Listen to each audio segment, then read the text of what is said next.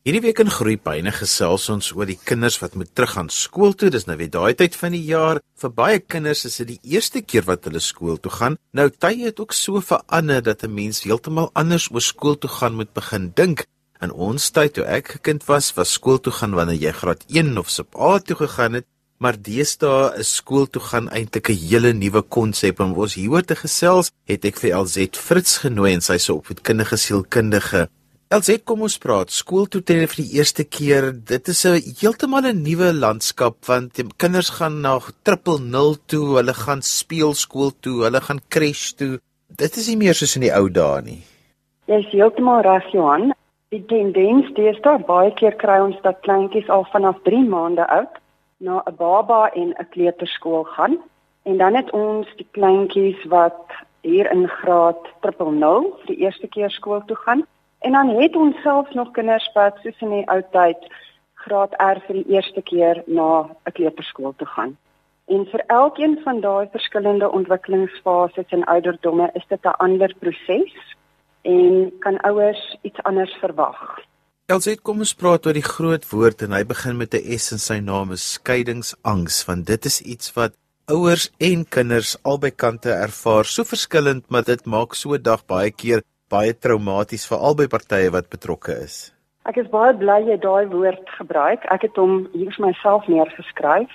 Ek dink dit is belangrik dat ouers in ag moet neem as een of beide ouers uit gesinne uitkom waar angstigheid 'n faktor is. Is die kans baie groot dat hulle kind gaan hê wat ook geneig is tot angstigheid.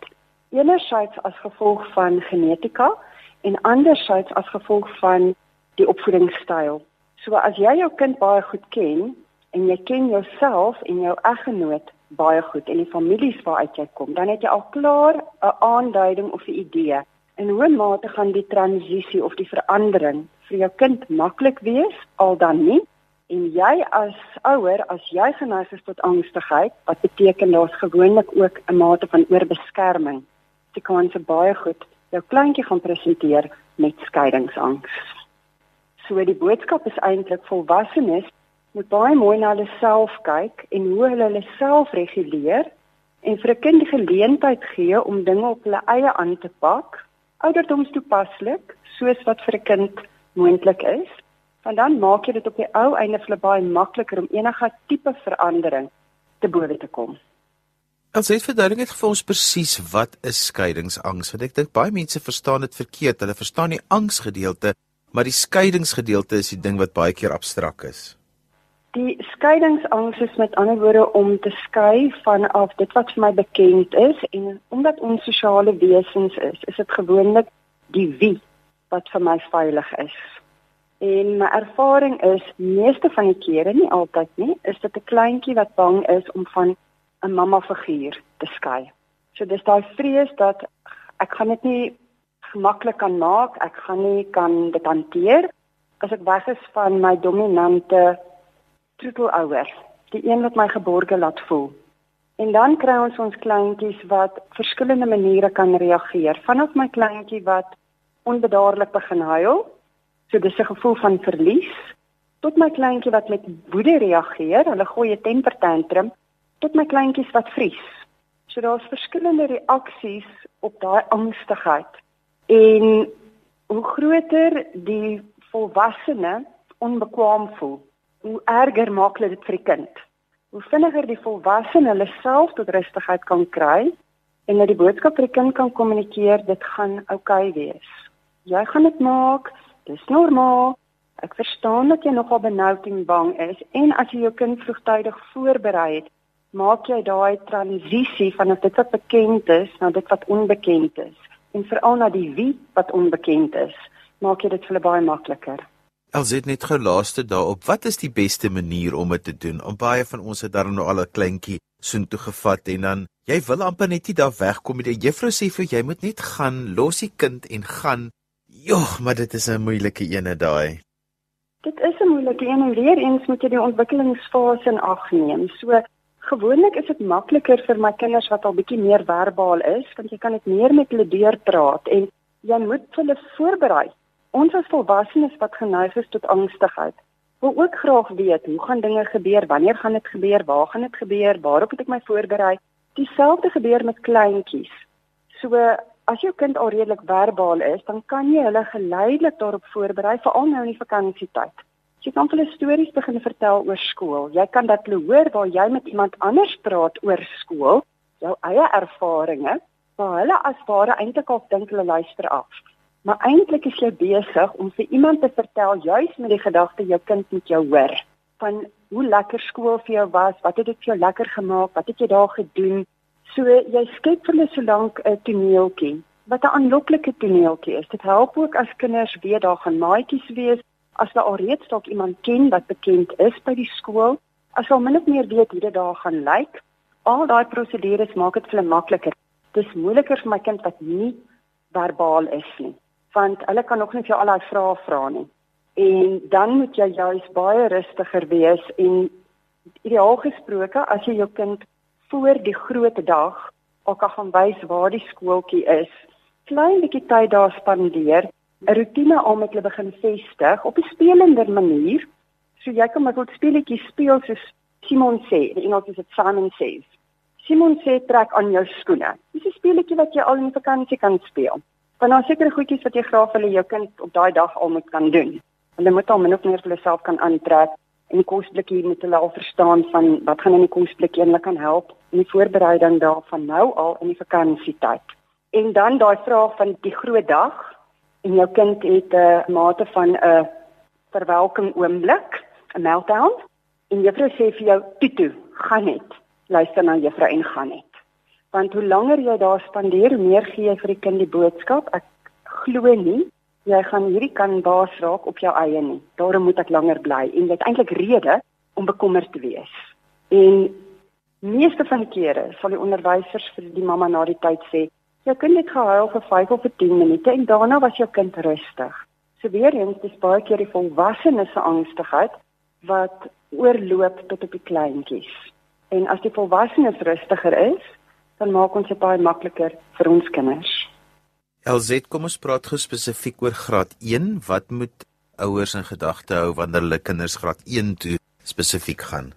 Ouderdom is my nog 'n groot faktor veral met betrekking tot geslag. So my seentjies wat in die laaste 3 maande van die jaar verjaar, dis baie keer my kinders wat daar soms 'n vraagteken, is hulle gereed om oor te gaan al dan nie kognitief baie sterk, maar emosioneel dalk nog 'n bietjie meer onvolwasse en ek dink dit is belangrik dat ouers hier na hulle eie intuïsie luister, maar ook luister wat die onderwyseres vir hulle sê en in sommige gevalle kundiges raadpleeg.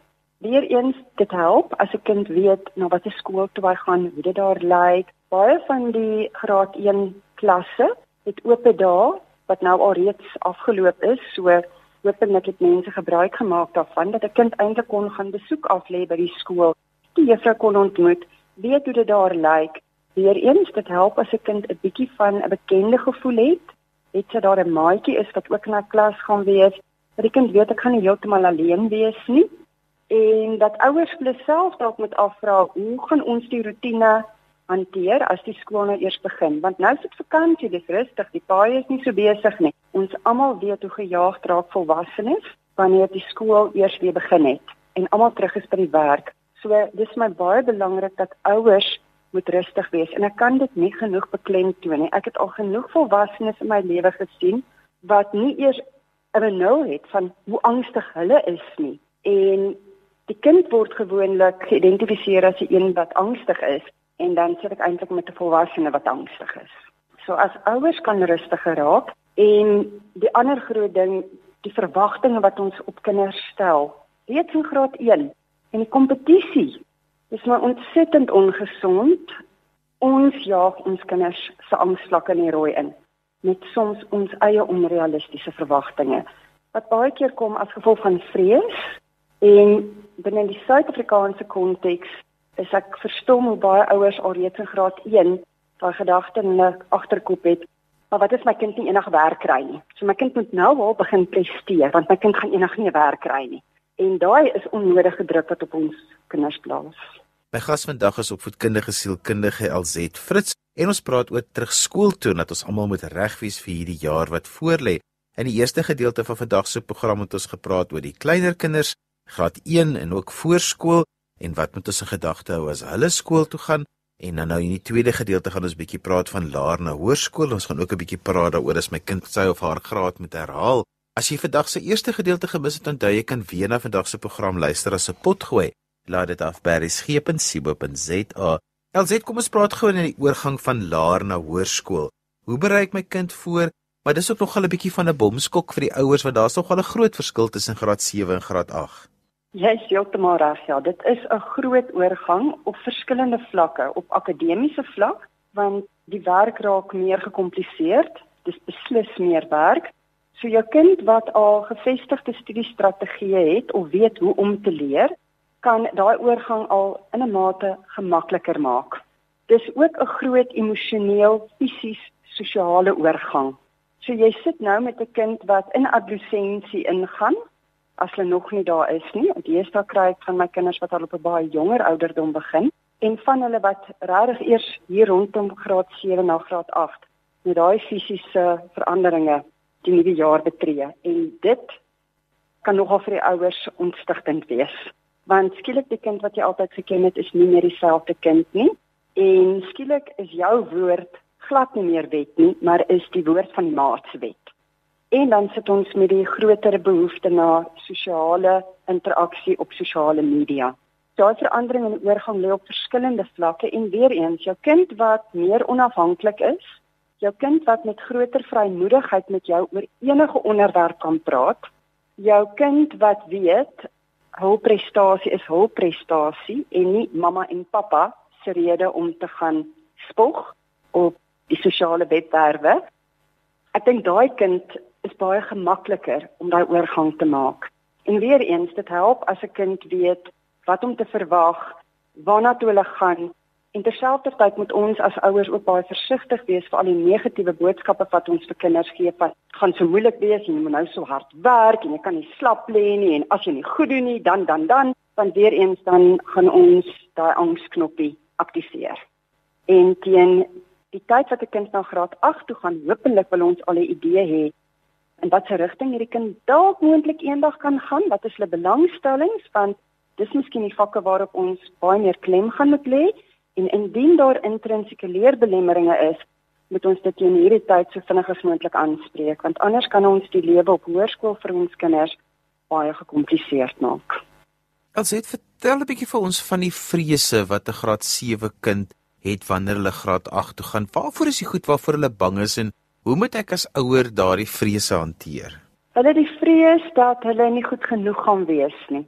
Dat hulle nie gaan inwees nie. Dat hulle dalk te voor of te agter die ander is. So dis die vreemde ding van ons ontwikkelende jong mense. Aan die een kant kan hulle nogal verskriklik selfbeheer wees, so hulle wil graag uniek en individueel wees. Maar aan die ander kant wil hulle ook graag inskakel met die res van die groep. En dit maak dit moeilik vir ouers om presies te pyl maar wat is besig met my kind te gebeur en hoe gaan ek my kind kan ondersteun? En hoekom trek my kind skielik op 'n sekere manier aan of wil hulle net sekere klere dra of hoekom rebelleer hulle nou teen sekere style of sekere dissiplinêre maatreëls en hoekom tel ek as ouer en ook onderwysers hoekom tel ons skielik nie meer so baie nie. So ek sê baie keer vir ouers, as jou kind in hoërskool ingaan en jou kind begin 'n sterker stem ontwikkel en meer hulle eie identiteit gevestig kry, wat dalk kan beteken jy gaan met meer ongedissiplineerde gedrag sit. In 'n mate is dit nog goed. Teenoor my kind wat die skool uitgaan, hoërskool uitgaan, die groot wêreld in universiteit toe en dan eers hulle eie identiteit probeer vestig. So jou oorgang van graad 7 na graad 8 is op baie vlakke vir jou kind 'n nuwe leerskool, nie net akademies nie, maar ook in terme van identiteit. Wie is ek? Waar pas ek in? Waar pas ek nie in nie? Waarna toe mik ek op die ou einde? Dis 'n fase van verwarring. So as ouers weer eens nie self baie gereguleerd is nie en die alledaagse traumas nie goed kan hanteer nie, dan kan ons vir baie van ons kinders hierdie oorgang verder kompliseer. Ons het my ervaring die laaste ruk was dat kinders op hierdie ouderdom wanneer hulle oorgaan hoërskool toe skielik 'n baie dieper en 'n meer direkte en amper 'n ek weet nie dis amper of hulle angs het om meer van hulle paas of 'n vaderfigure te kry op hierdie ouderdom. Dis asof die pa en die vaderfigure op hierdie ouderdom die grootste bydra tot hulle ontwikkeling amper kan maak. Dit is net baie interessant want ek het dit 'n paar gevalle die laaste ruk dit agtergekom dat die behoefte is dan baie groot aan daardie tipe rolmodel. Ek's baie bly jy noem dit want my kollegas en ek kom dit ook agter. Dit het te maak met die feit dat oorwegend, nie altyd in alle gevalle nie, maar oorwegend is dit die vroulike figure wat as die dominante versorgingsfigure optree.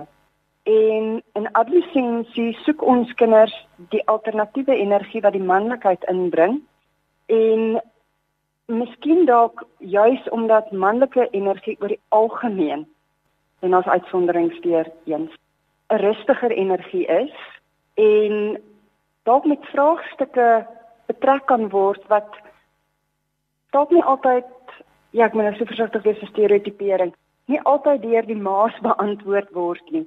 My ervaring is egter in gesinne waar daar 'n baie goeie balans tussen die ma en die pa se insette is. Daai kinders is oor die algemeen baie meer rustig, gemoedelik, oper en die vraagstelling en die hantering van hulle eie onsekerhede. Die dilemma wat ons egter op hierdie stadium het is ons sit met baie gesinne waar die pa nie altyd 'n dominante rol speel nie as gevolg van hulle eie werksdruk, as gevolg van hulle eie eksistensiële angs en as gevolg van opvoedingsstyle waarmee ons as volwassenes groot geword het waar kinders word oor die algemeen gesien en nie gehoor nie. En dan wil ons veral die mans baie ferm en dissipline optree teenoor ons kinders. En dan maak ons baie keer die deur toe vir openlike kritiese gesprekvoering. So ek wil nie eintlik sê dis net paas wat in hierdie oorgang na adolessensie belangrik is nie. Dis vir my die interaksie tussen twee volwassenes want nou weet ons ook daar's gesinne waar daar nie altyd 'n pa is nie of wat uit twee vrouens bestaan, twee mans bestaan. Daar's baie definisies vir gesinne. Maar as daar twee energieë is van mense wat omgee en wat versorgingsrolle vervul, dan het 'n kind 'n groter kans vir 'n balans. Want hopelik kan die twee versorgingsfigure mekaar bietjie uitbalanseer. Ek hoop dit maak vir jou sin. Elzet, kom ons praat nog ten laaste oor die kinders wat met herhaal daardie teleurstelling, tydjie vir tyd kinders is dit 'n vernedering, maar vir baie kinders is dit ook 'n positiewe ding. Dit hang maar af hoe dit aan hulle aangebied is, want vir baie kinders is dit ook 'n verligting dat ek die graad moet herhaal of kan herhaal, want dit is ook baie keer die beter woord om te kies. Hoe hanteer 'n mens dit?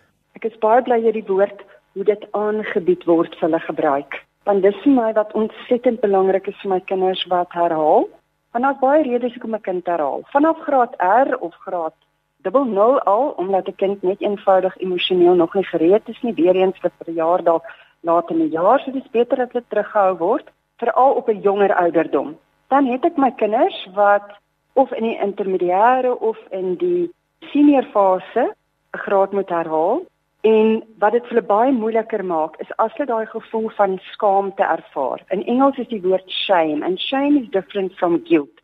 Die een sê ek is skuldig en die ander een sê ek voel skaam. Ek voel ek is 'n mislukking teenoor ek het misluk. My kinders wat die boodskap van hulle ouers kry, jy dalk in 'n vak misluk. Hanteer dit baie beter as my kinders wat die boodskap kry, jy is 'n mislukking. Die skande vir ons as gesin omdat jy gedryf het.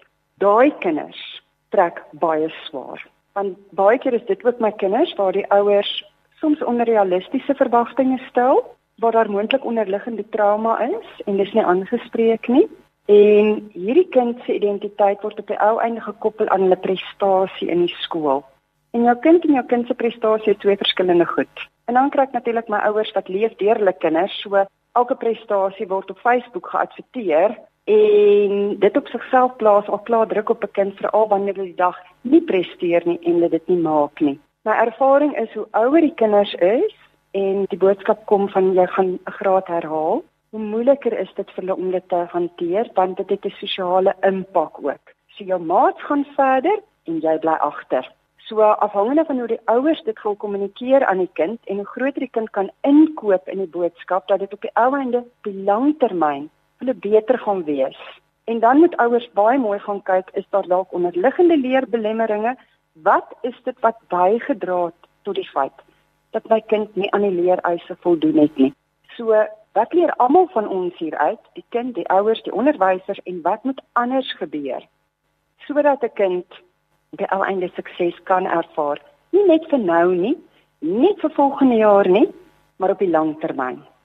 Elzet net so ten slotte kom ons gaan terug na waar ons begin het. As 'n kind nie gereed is vir graad 1 se eise nie, dan bly dit maar die beste vir 'n kind om graad R te herhaal. Dit is net een van daai dinge wat 'n mens net altyd weer aan herinner moet word.